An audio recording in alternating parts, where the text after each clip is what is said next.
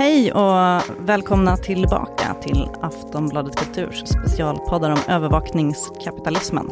I studion Karin Pettersson, kulturchef. Hej hej. Och Mattias Beijmo, författare och textskribent på Aftonbladet. Hejsan, Och jag heter Cecilia Djurberg.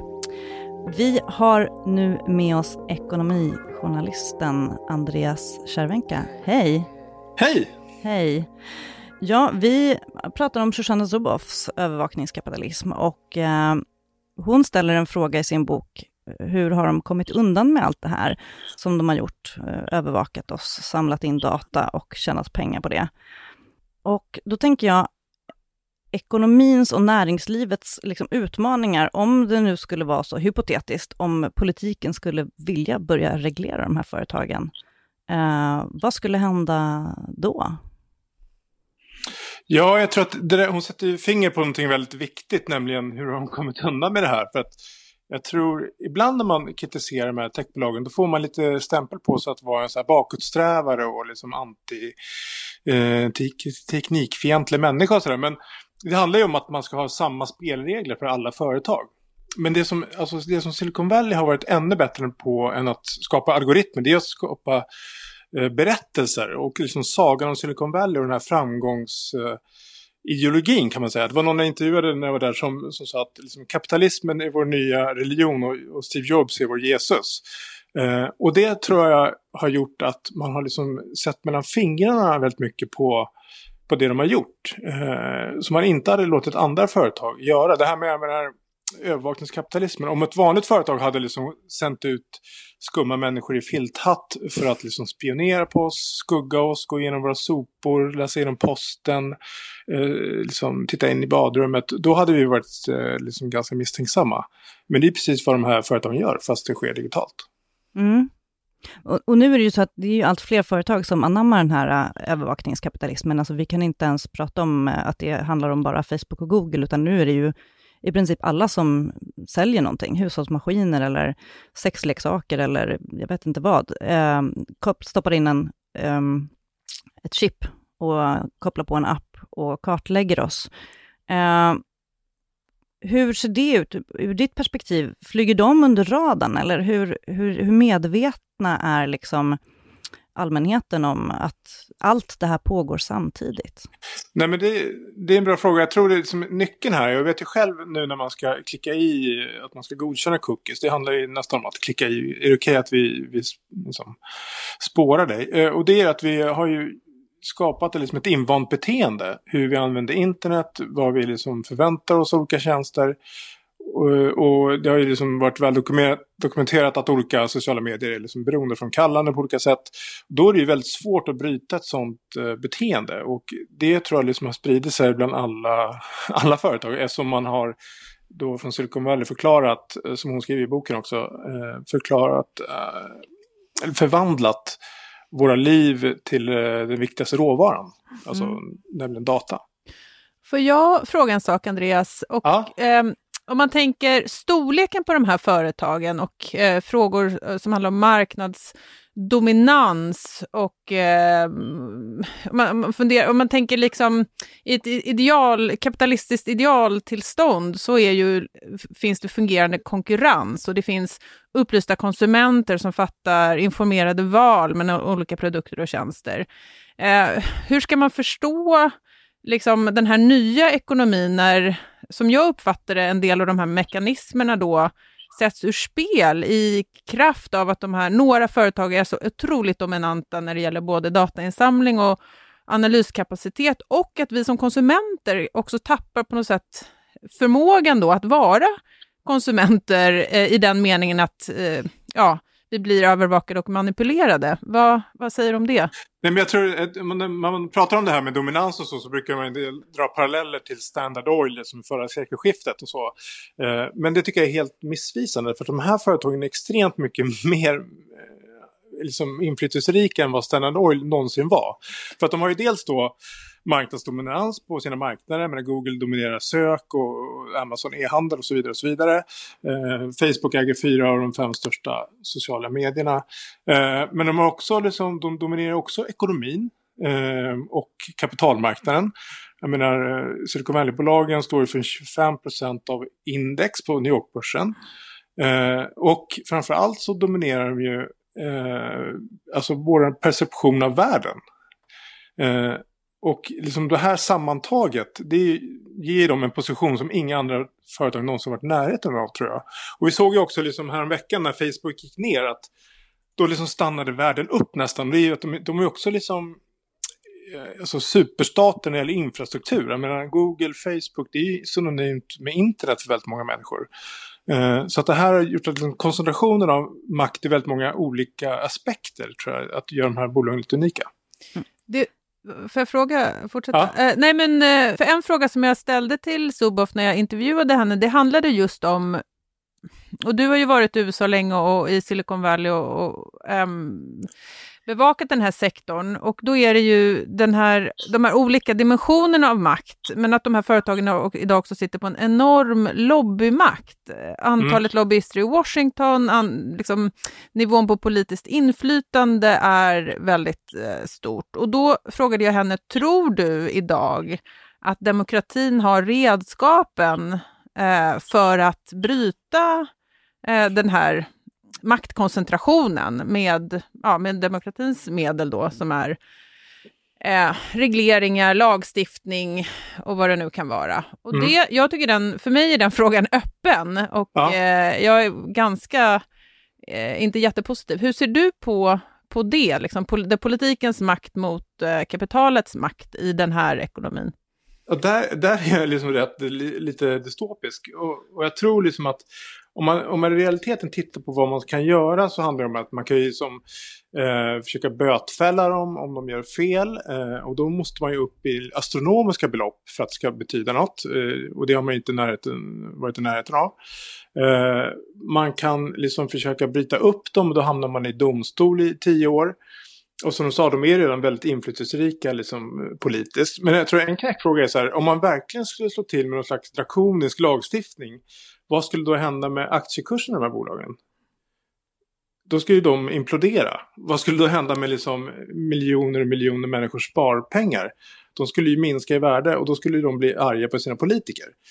Eh, så man, man har ju liksom försatt sig i en, i en situation där det liksom är liksom ganska svårt att röra de här. Och jag, jag tyckte det var ganska stort häromveckan när New York Times avslöjat att Facebook skulle börja använda Newsfeed för att um, eh, promota positiva artiklar om Facebook. Just det. sätter fingret på någonting annat. För det är inte bara att de är liksom enorma lobbyister. Eh, och att liksom politiker också är beroende av, av de här plattformarna för att nå ut. Eh, de kan ju också använda plattformarna i egna syften faktiskt. Eh, och vilket då Facebook kanske kommer börja göra. Eh, så att jag tror att... Men jag tror att det där är som jag håller med, det är en öppen fråga och jag är lite jag tycker att politiken kanske är lite naiva i hur, vad man kan göra och vad det får för konsekvenser. Suboff, hon skriver ju bland annat om att redskap för kritik eh, mot de här företagen, eh, som tidigare har använts mot företag, monopol eh, eller integritet då när det gäller dataskydd och människors integritet, att de inte räcker, de här redskapen. Eh, så, så, att det behövs liksom på något sätt nya kanske nya begrepp, nya ord, för att verkligen liksom kunna komma åt det som är problemet. Men, mm. men som, som ekonomijournalist då, liksom, att, att bara granska dem. Eh, hur kan man liksom förhålla sig objektivt granskande till övervakningskapitalismen när man vet det vi vet nu, när vi har läst Zuboff?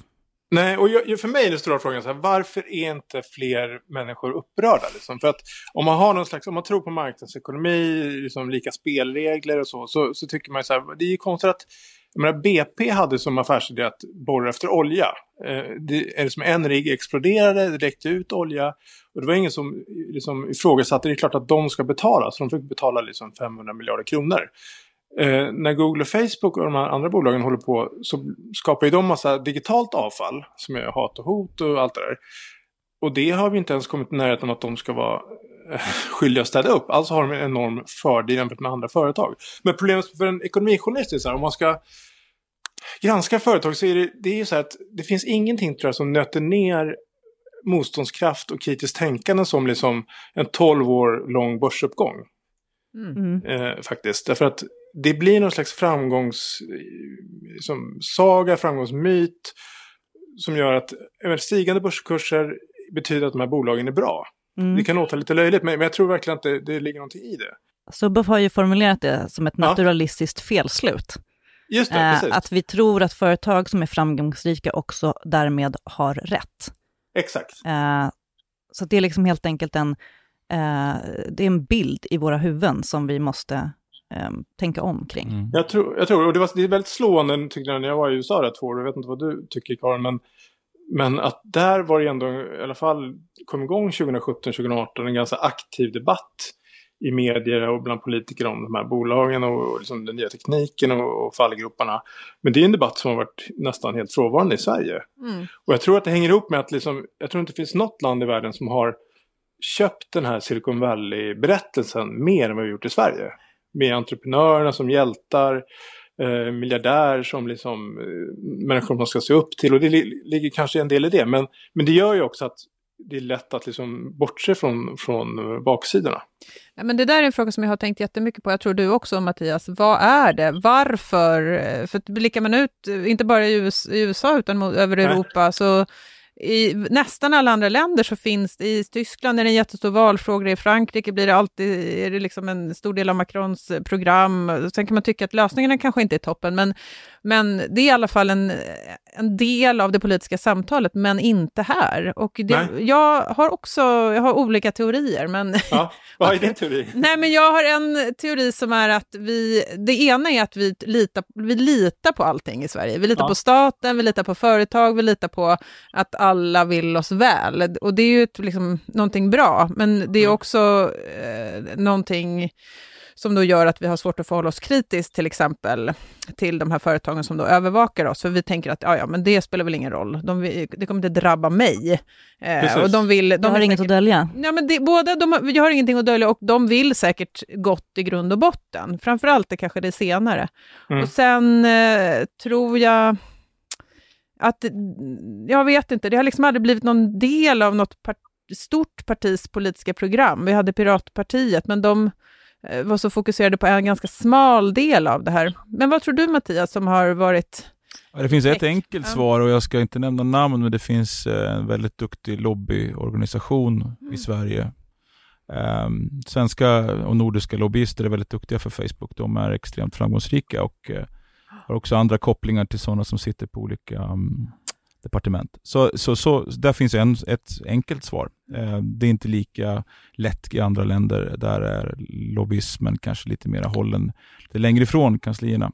Eh, den andra förklaringen tycker jag är eh, ganska tydlig att vi, och där måste man gå till en annan statsmakt, det vill säga medierna. Eh, andra länder har haft och har eh, fokus på eh, granskningar, ekonomi bakom journalistik för att avslöja det här.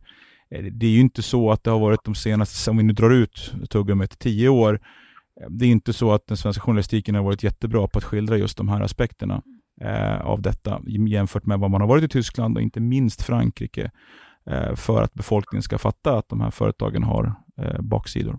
Sen kanske det finns någonting också i den här svenska liksom, tech vi är ett land av ingenjörer, brukar man säga. Vi älskar det nya. Vi anammar mm. alltid det nya helt... Eh, och det är ju något fint med det också, men eh, i, till en gräns.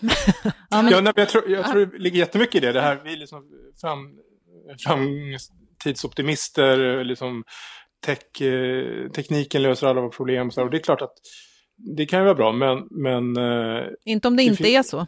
Nej, det inte om det inte är så. Och jag tror du satte fingret på att vi det här att vi tror liksom människor om gott och organisationer om gott och, och liksom lita på dem.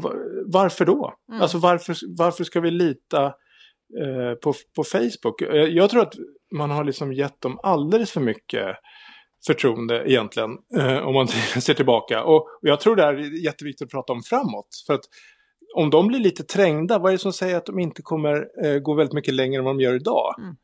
Jag menar, Facebook har ju själva eh, som visat i studier att de kan ändra eh, liksom, typ halva mänsklighetens känslotillstånd mm. med sina algoritmer. Eh, vad är det som gör att de inte kommer jobba på att liksom försöka ändra vår inställning till Facebook?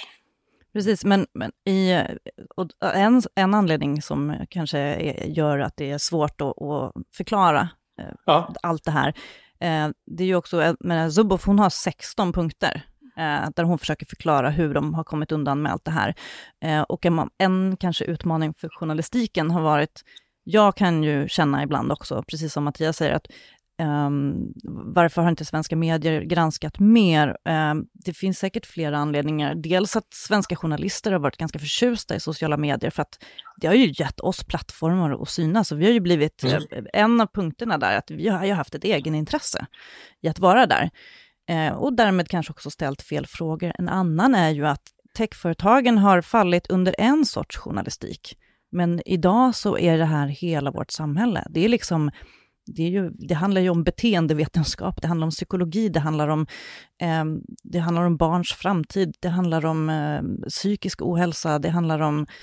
Vilken kultur vi konsumerar. Vilken kultur vi konsumerar mm. och en, en, någonting som jag tycker är en, stor elefant i, i rummet, eh, det är att allting är väldigt, det handlar om kommersiella budskap och politiska budskap. Alltså det fanns en tid eh, då till exempel barn och unga skyddades från reklam mm. aktivt. Det är fortfarande förbjudet att rikta reklam till barn, på, enligt svensk lag.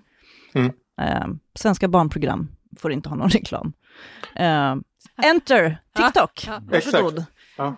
Eh, medier rapporterar om influencers som är stora på TikTok istället för att granska eh, de kommersiella budskapen som riktas till barn.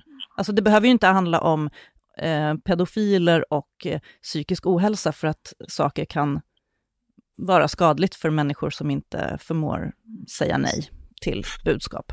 Nej, exakt, och det är ju så här, skulle någon springa runt på en förskola och dela ut lappar liksom, till treåringar så skulle man bli upprörd. Men, Coca-Cola. ja, ja, men precis. Men, men liksom, 99% av alla svenska barn hänger på YouTube och tar del av all reklam som är där. Eh, så det där, men det som jag tycker är konstigt, apropå det här med politisk liksom makt och inflytande. Jag har bevakat bankbranschen i, i, Sverige rätt länge och där är det lite liknande. Politiken har varit ganska frånvarande upplever jag från liksom att kritisera och tänka kritiskt kring banker man jämför med till exempel USA och England.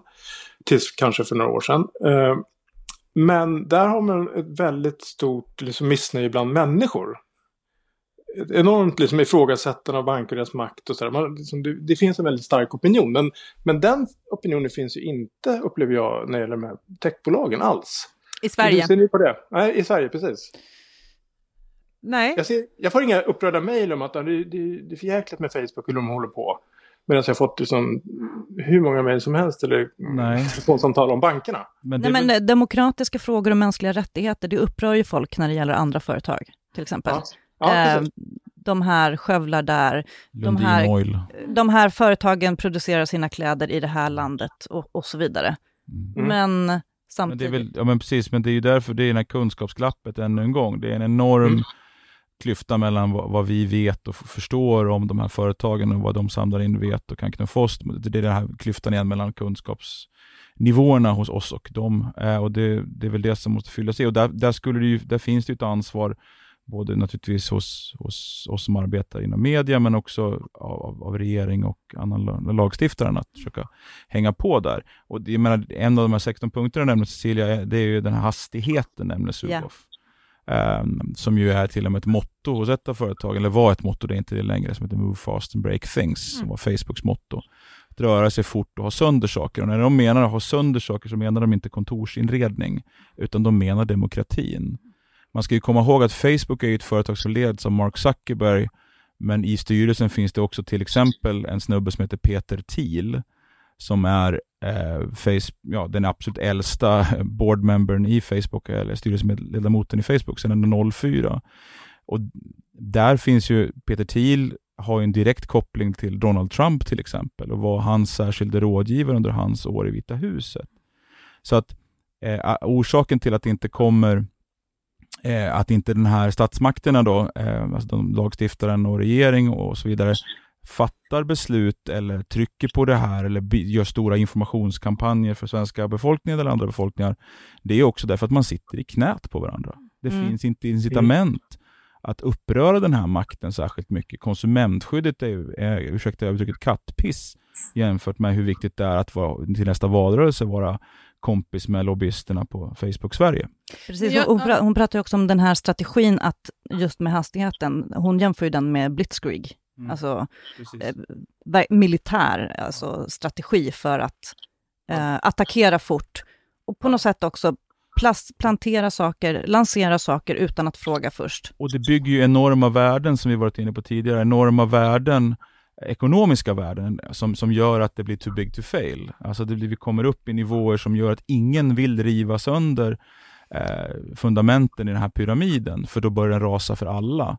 Eh, och då, Det kan man få om man rör sig jäkligt fort och mm. köper upp konkurrenter så fort det bara går och ser till att man får en fri oligarkisk väg till, till framgång. Men jag tycker att, men bara för att haka på där, alltså var, var, kommer, var finns liksom motkrafterna? För att om man, eh, Suboff bygger ju på, eh, bygger vidare på, liksom förhåller sig till Marx och liksom tidigare idéer om eh, ekonomin som Cecilia pratat om förut.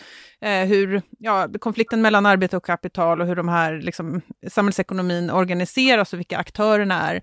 Men det är svårt att se i den här övervakningskapitalismen vem Liksom, om du kontrollerar informationssfären, om du kan Eh, om du är så pass duktig på att föra ut, eh, som Andreas var inne på, budskapet om dig själv som en god kraft i samhället i, i någon slags bred mening. Det är väldigt svårt att se en situation när det blir ett starkt då, konsumentmotstånd som ju krävs för att det ska, som alltid krävs eh, för att politi politiken ska agera. Som vi såg när tobaksbolagen reglerades. Det var ju både det var liksom journalistiska avslöjanden i kombination med att folk faktiskt blir jävligt förbannade. Många människor mm. blev väldigt förbannade.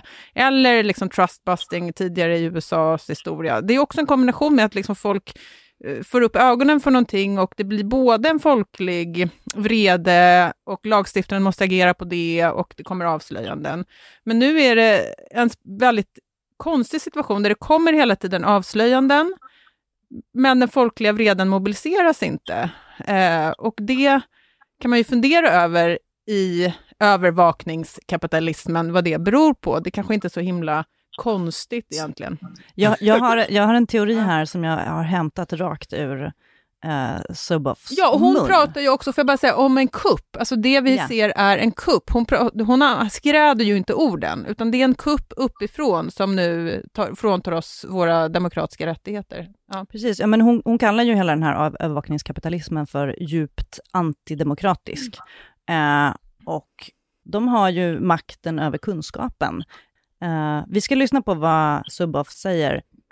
What, what, I, what I would really like people to understand is that in this new world, uh, the social order is really based on things about knowledge.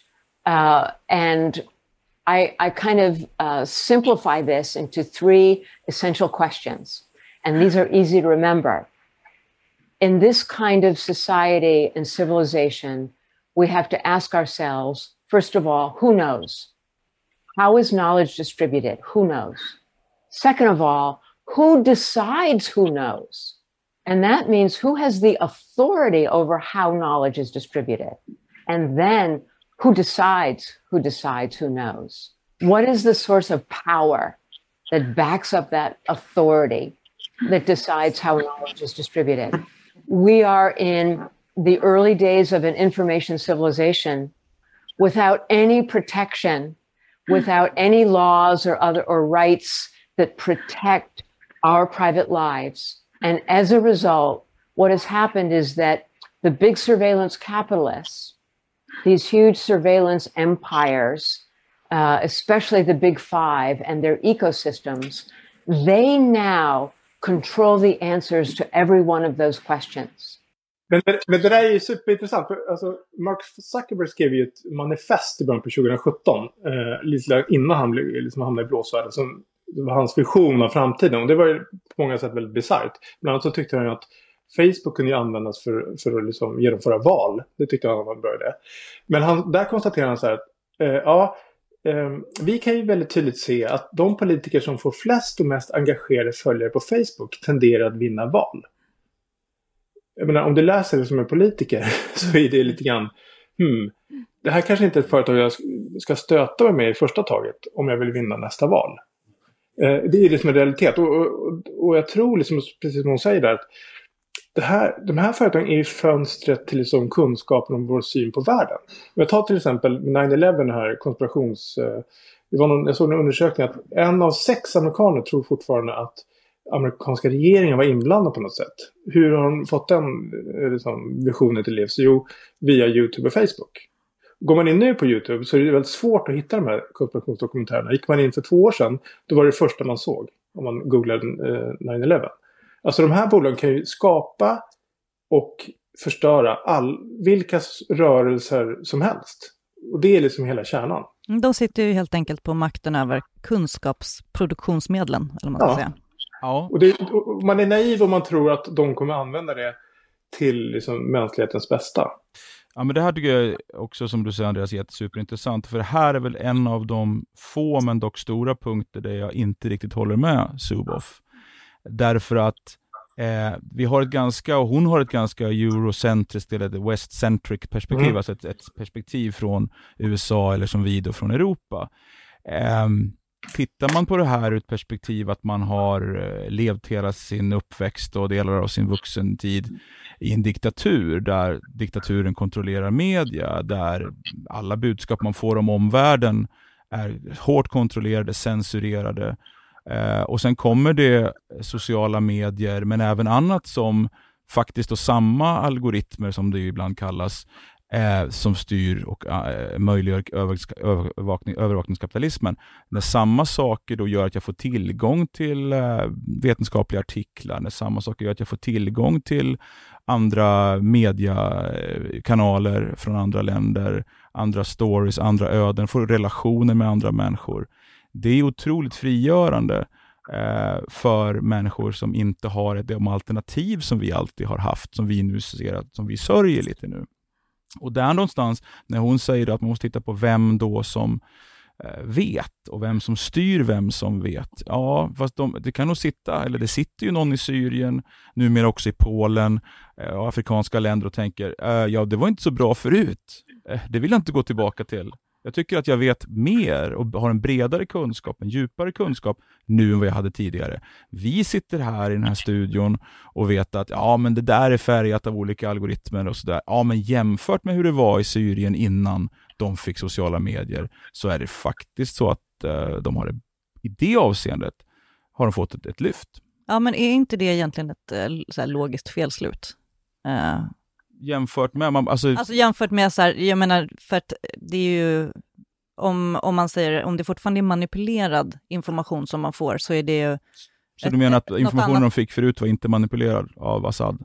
Jo, men, men den här informationen är också manipulerad. Det är det Jo. jag menar, det är inte så att, alltså det är en, den är Precis. manipulerad på ett annat sätt. Precis. Och olika hamburgare är olika dåligt framställda med olika dålig djurhållning. Mm. Det är gott med hamburgare. Nej, men sk- skämt åsido.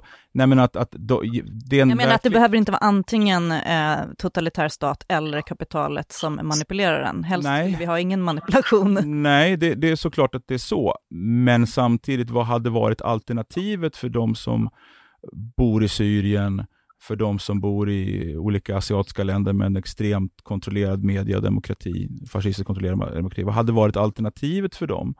Ehm, och det här är en gång tillbaka till det deterministiska. Det, det är, den här teknologiska revolutionen har delar i sig och det finns andra delar också i sig som faktiskt bär med sig goda saker. Och det är lätt när man läser 700 plus sidor Zuboff att det inte finns de sidorna i till och med i sociala medier. Jag håller med om det, men för, Mm. men bara för att ta ett annat exempel som är aktuellt just nu, eh, det är ju ehm, en, eh, om man tittar på ett annat land utanför den liksom, västsfären, Filippinerna, där en, en framstående ledande journalist just fick Nobels fredspris, Maria Ressa, som vi, du, har, du kan allting om Mattias, och som jag har träffat och intervjuat många gånger. Och det man såg där, alltså jag vill ändå komplicera bild, bilden ett varv till, för det man såg där, det var ett land som hade en totalt genomkorrupt liksom, politisk sfär, men relativt väl fungerande fria medier, fram tills att Facebook tar över, eh, dominerar informationsinhämtningen och släpper fritt. Och det är inte tekniken i sig, utan det är ansvarslösheten.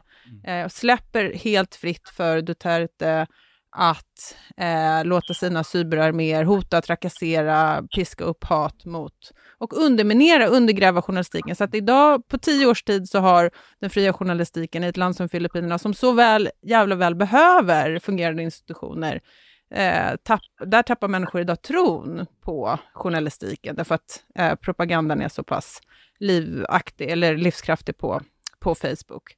Så att jag, det är liksom jag håller med dig Mattias, men, men bilden är ju också väldigt komplicerad i de länder som, jag behöver inte egentligen berätta det för dig, men jag berättar det för lyssnarna. Nej men där, nej, men där, där eh, Facebook till exempel då är internet. Eh, och det, är, men det finns många exempel på det, Myanmar är det vi brukar prata om, där eh, det ledde till folkmord, den propagandan som många då människorättsaktivister flaggade om och om och om igen. Liksom ringde till Silicon Valley och sa snälla, kan ni ta bort de här dödshoten och den här, äh, den här islamofobin och äh, kan ni göra något åt det här för, för folk kommer dö? Nej, det orkar vi inte. Och så gick det åt skogen. Men, men jag tycker det ligger mycket i det. det är själv, men de här, jag menar, Facebook hade inte nått 2,3 miljarder användare utan, utan att de hade levererat någon upplevd nytta till människor. Det mm. gäller ju även oss i, i västvärlden. Mm.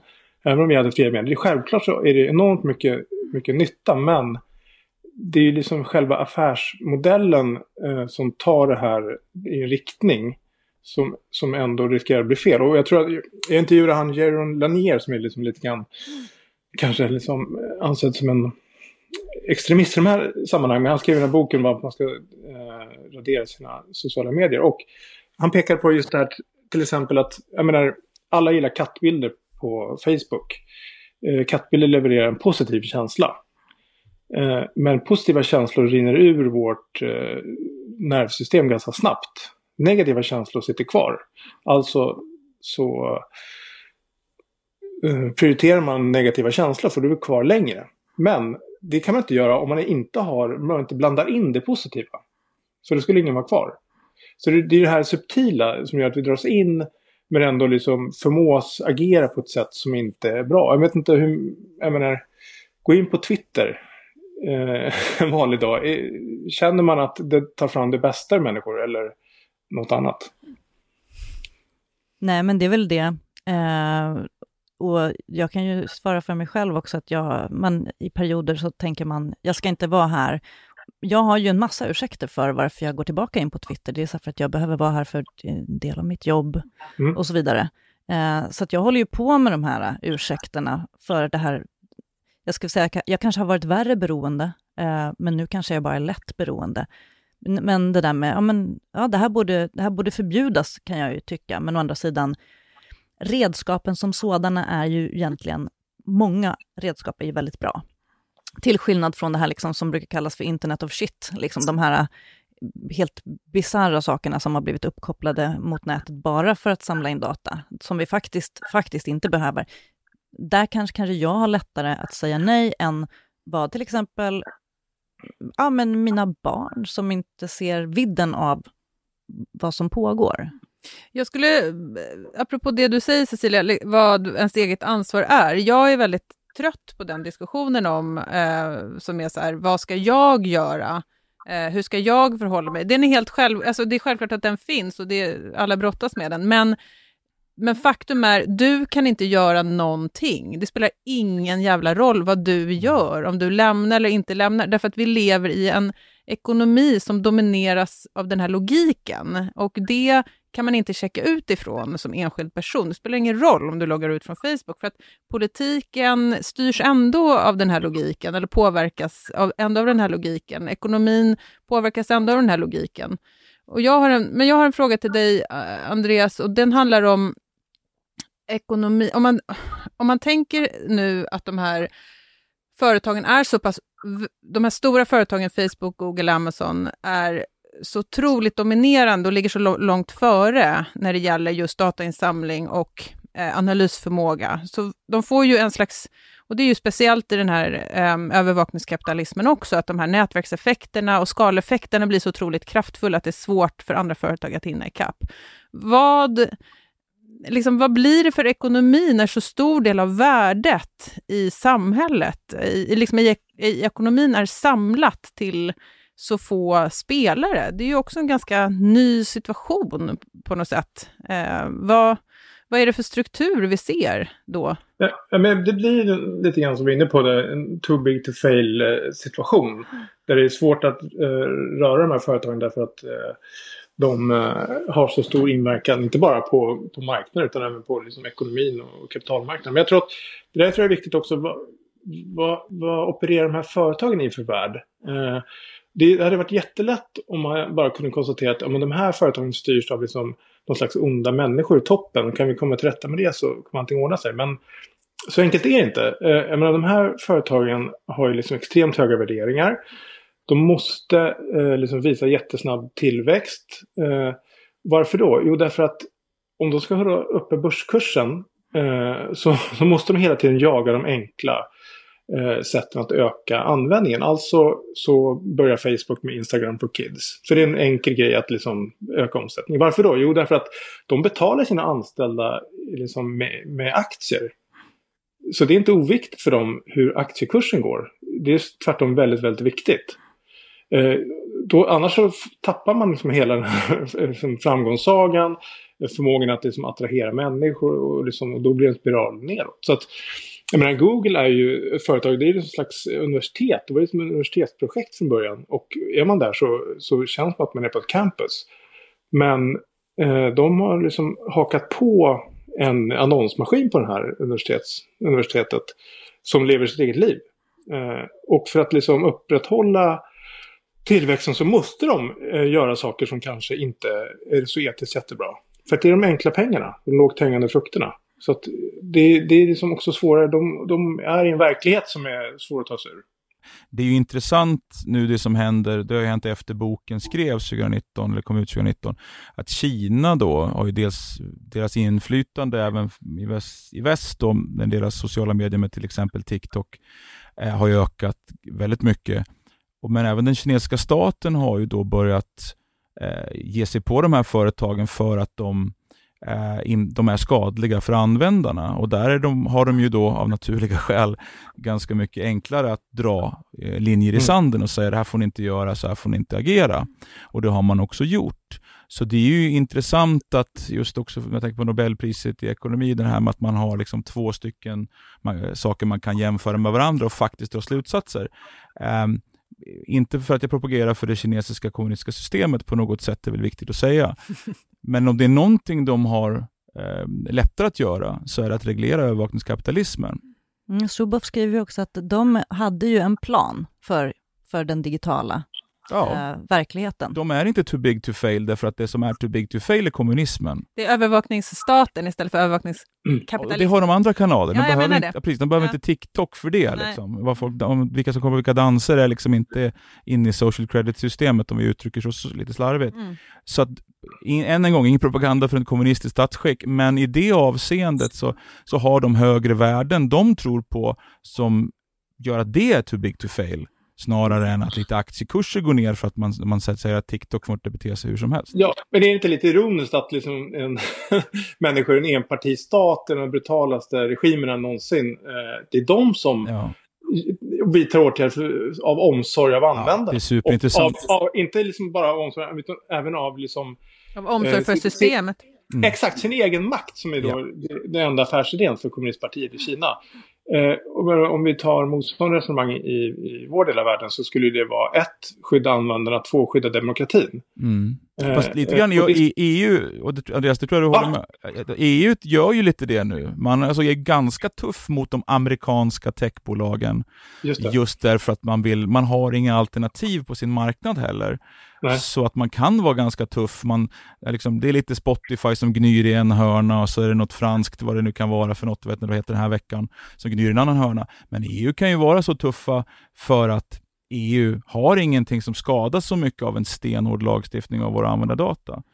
Så, um, men jag tror, men jag tror det, bara för att bryta in där, jag tror liksom att det, jag håller med, det, problem, skillnaden är då med Kina som då, eh, de behöver inte ta hänsyn till vad väljarna tycker. Medan vi i vår del av världen vi kan, som du var inne på Karin, vi kan inte åstadkomma så mycket om vi inte har den här liksom, gräsrotsilskan eh, och till stöd av opinionen. Men det ironiska Men, blir då att vi inte ja. heller kan skydda demokratin. Nej, exakt. Ja. Men vad beror det på? Vad beror på att vi inte får ha den här ilskan? Jo, men en, en viktig orsak är ju att de här företagen har helt andra spelregler. Liksom det är inte... Men var, hur har YouTube kunnat bli så stort? Jo, därför att de behöver inte granska alla klipp som läggs ut. En annan ironi med gräsrotsilskan är ju att var samlas gräsrötterna på de här plattformarna? Ja, ja men det, visst, absolut. Där. Ja, men men liksom hela, hela, hela grunden till deras tillväxt är ju det här stora undantaget som de har fått jämfört med andra företag. Eh, och som man då alldeles för sent har kommit på att mm, det kanske inte blev så bra. Och tittar man på deras, jag menar YouTube och deras retorik när de pratar om ja, men så här hat och hot. Det, ofta så handlar det om att äh, du vet, det är ganska svårt det här eftersom vi, det är så mycket material. Men vem har tvingat er att lägga ut liksom 50 miljarder klipp? Det är väl ingen som har tvingat er. Nej. Om jag bara, Utan det, va, det är en affärsidé. Sorry, liksom. det, där kanske ni får, får börja rensa upp. Men där är vi inte riktigt än. En sak som jag vill bara lägga till om just den ekonomiska strukturen som blir resultatet av en sån här ekonomi, det är ju en, då, en enorm maktkoncentration, en enorm värdekoncentration, ganska lite liksom, produktion kanske av vanliga saker som folk vill ha och ganska lite vanliga jobb. Eh, det är väldigt eh, liksom, arbets, icke arbetsintensivt. Och, och du var inne på Peter Thiel förut, eh, Mattias, en ideolog då och mycket framgångsrik, extremt framgångsrik affärsman i gränslandet mellan liksom, ek ekonomi och politik och sån här libertariansk, eh, i mitt, mina ögon vansinnig ideolog. Men han har ju han har liksom lanserat en framtidsvision som är ungefär att eh, alla människor ska ha, få leva på ett slags existensminimum garanterat av staten. Eh, det är för att slippa då revolution i slutändan. Och då ser han sig framför sig ungefär att människor ska, gemene man ska leva på existensminimum, sitta och liksom kolla på hans annonser på internet och vara en slags eh, databoskap som ska eh, som han och hans polare ska liksom skörda värdet av och sen pumpa tillbaka liksom optimerade produkter och manipulerade beteenden. Och det kan låta helt vansinnigt, men det är inte så jäkla långt borta, ärligt talat. Verkligen inte. Nej, men det, det var inte så att jag, tror inte jag har en Douglas Rushkoff som är sån här liksom, lite halvdystopisk tänkare. Men han hade varit på någon, på någon middag med en massa techmiljardärer. Och då hade de frågat honom så här, helt ärligt. Du, jag har en fråga till dig. Eh, om om liksom allting går under. Hur ska jag göra med mina livvakter? Ska jag ta med dem på planet till den här bunkern som jag har köpt? Hur ska jag hantera det? Eh, alltså det här med att liksom, de ser en undergång framför sig och de måste skydda sig och, och sådär. Eh, och då och liksom tyckte han, "Nej, men ni, ni skulle ju kunna agera liksom så att det inte blir så. Det känns som vår eh, cue här nu. Alltså, eh, Shoshana Zuboff har visat eh, en möjlig väg mot undergången och nu ska vi agera. Och det har gått två år sedan bo boken kom ut i original. Eh, Jag har känt under en lång tid att ingenting händer och ingenting händer. Nya tjänster lanseras som om att liksom, övervakningen aldrig har diskuterats. Vi fick Clubhouse som var helt eh, dataskyddsvidrig. Eh, barnen mår dåligt. Eh, hur går det med framtiden? Det finns ju ändå exempel på att det händer saker. Eh, jag tycker att det är intressant, vi pratade om EU, Eh, vi fick ju GDPR. Eh, man kan tycka att det inte har hänt tillräckligt. Eh, en intressant sak är ju att Storbritannien har lämnat EU och nu har de uppe på förslag ett nytt dataskydds, nya lagar. Eh, så det händer saker. De har um, trätt i kraft en ny Children's Code, just för att skydda barnen. Ehm, det händer saker. Och Zuboff har en framtidstro, säger hon ändå. Ehm, samtidigt som hon så dystopiskt beskriver liksom, att det inte finns någon utväg. Så kort innan vi avslutar här, vi skulle kunna prata om det här hur länge som helst. Eh, vi kommer få skäl att återkomma till det här ämnet, tror jag, eh, i både texter och kanske fler samtal. Men en liten runda här, vad, vad tror ni är rätt väg? Eh, om, liksom, jag ska inte säga antingen eller, men hård lagstiftning, eller vad är vägen framåt? Karin? Eh, nej, men jag, jag liksom pendlar mellan hopp och förtvivlan i den här eh, diskussionen.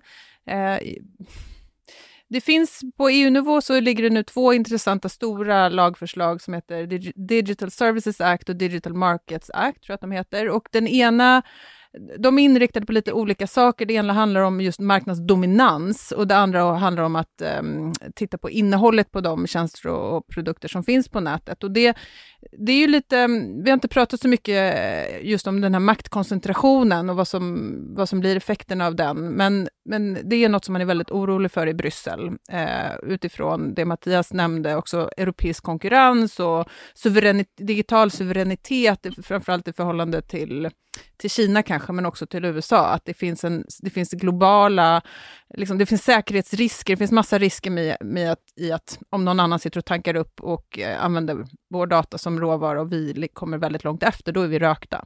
Så att det finns, eh, finns en sån dimension som vi inte varit inne så mycket på i den här diskussionen, som gör att det ändå kommer liksom, politiska förslag, inte för att liksom, skydda konsumenter, men ut för, för att skydda Eh, EU då, eh, EUs politiska suveränitet, eller vad man ska säga.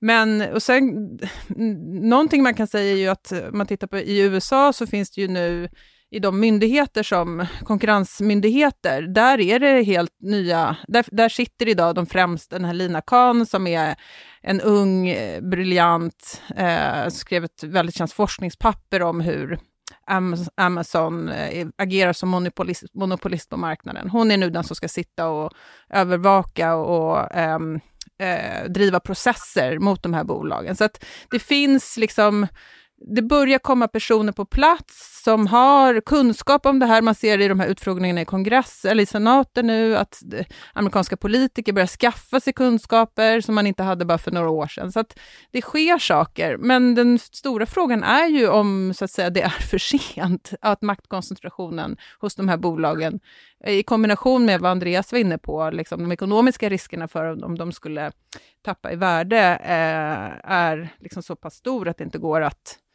att det inte går att agera. Jag vet inte. Nej. Eh, Suboff jämför ju ändå den här eh, utvecklingen med den industriella revolutionen och visar på vad som händer med klimatet. Man kan ju se i företag nu att det har blivit lite sexigare att vara miljövänlig. Ehm, så kanske en väg framåt är att det ska bli um, gångbart, att, att bry sig om användardata och integritet. Vad tror du Mattias? Ja, men Suov säger ju att, på någonstans att democracy has been asleep at the wheel, att mm. demokratin har sovit vid ratten i det här. men det som man kan se nu då är att det finns ju tecken på myteri. Francis Haugen, när det här spelas in, har ju rätt nyligen då eh, klivit fram som visselblåsare bakom lite nya avslöjanden som är ganska stora om, om till exempel hur, hur skadligt Instagram är för unga tjejer. Hon är före detta Facebook-medarbetare. Precis, mm. och hon har jobbat på Facebook och, och, och, det går ju liksom inte en vecka utan att jag hör från en disgruntled Facebook-medarbetare, eftersom jag känner rätt många. Så, och de, de är inte stolta att jobba på Facebook. Det är ingenting de säger vid en middag, eller det är ingenting de ens knappt skriver på sin LinkedIn att de jobbar på Facebook. Det är ingenting de är stolta över.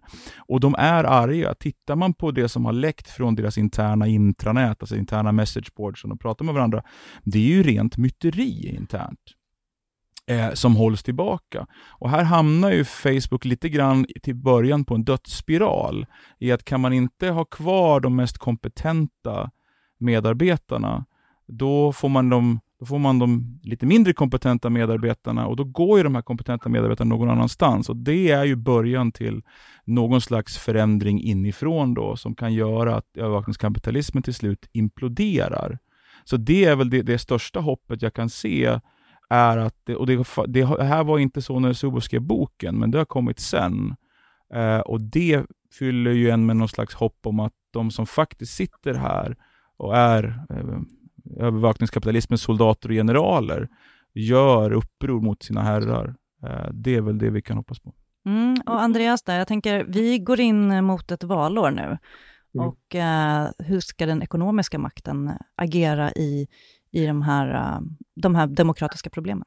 Men jag tror det. Jag, är faktiskt ganska hoppfull lite grann det vad Mattias var inne på. Därför att det, någonting man glömmer i den här diskussionen är två olika grupper. Dels de, de anställda Eh, Eh, som, och det är de enda förändringarna som har gjorts egentligen när det blivit interna uppror. För det är de bolagen väldigt, väldigt känsliga för. Det andra är ju faktiskt aktieägare. Eh, de här bolagen de styrs ju då av entreprenörerna som äger röststarka aktier. Men ägarna är ju liksom pensionsfonder runt om i världen. Om de går samman eh, och, ställer liksom krav så kommer de här bolagen tvingas till förändring. Och jag håller med Karin att det, det sker mycket liksom på politisk plan så det, är inte liksom, det går ju i rätt riktning. Men jag tror den verkliga eh, förändringen kommer ske inifrån, dels från anställda, dels från inom den liksom, eh, aktieägarvärdeslogiken, nämligen att eh, aktieägare ser att företag är på väg en kurs som kommer skada värdet på sikt. Lite grann som jag sett i de här stora oljebolagen. Eh, då, då kan det bli förändringar. Så jag tror ändå att det, det är där det kommer ske förändringar. Men det måste gå fort på ett sätt därför att vi bara i början av den här utvecklingen. Eftersom de har ett så stort försprång när det gäller data så har de också motsvarande försprång när det gäller artificiell intelligens. Eh, och det är ju någon slags turbomotor på den här winner takes it all-logiken. Eh, jag tror att det är ganska bråttom, men, men jag, jag är lite som Mattias, jag, jag sätter faktiskt mitt hopp till, eh, till de anställda. Det är ändå liksom 100 000 människor med väldigt hög utbildning och som har ofta väldigt bra moralisk kompass. Det, det, lite sorgligt känner jag nu, det är ingen av er som tror att hotet mot själva mänskligheten är, skulle kunna få upp den här frågan på högre på dagordningen politiskt? Nej. Det är för att vi lever i övervakningskapitalismen, Cecilia. Ja. Mm. Nej, men det, det, är lite så här, det finns ingen väg ut. Som, jag såg de som skrev, det är användarna som är problemet. Det är lite som så här, det är liksom missbrukarna av droger som är problemet i drogsvängen. Nah, nej. Nej, Nej. faktiskt inte. Nej. Ja, men vi får se. Vi ska försöka hitta en väg ut ur den här podden nu i alla fall och eh, så får vi be att få återkomma. Um, tack så mycket Andreas eh, Cervenka som var med på telefon. Tack Mattias Beijmo. Tack Karin för att vi fick göra det här. Ja. Eh, och, eh, jag heter Cecilia Djurberg. Mm. Eh, tack för att ni har lyssnat på oss så här länge. Vi återkommer när vi har något mer att säga. Hej då!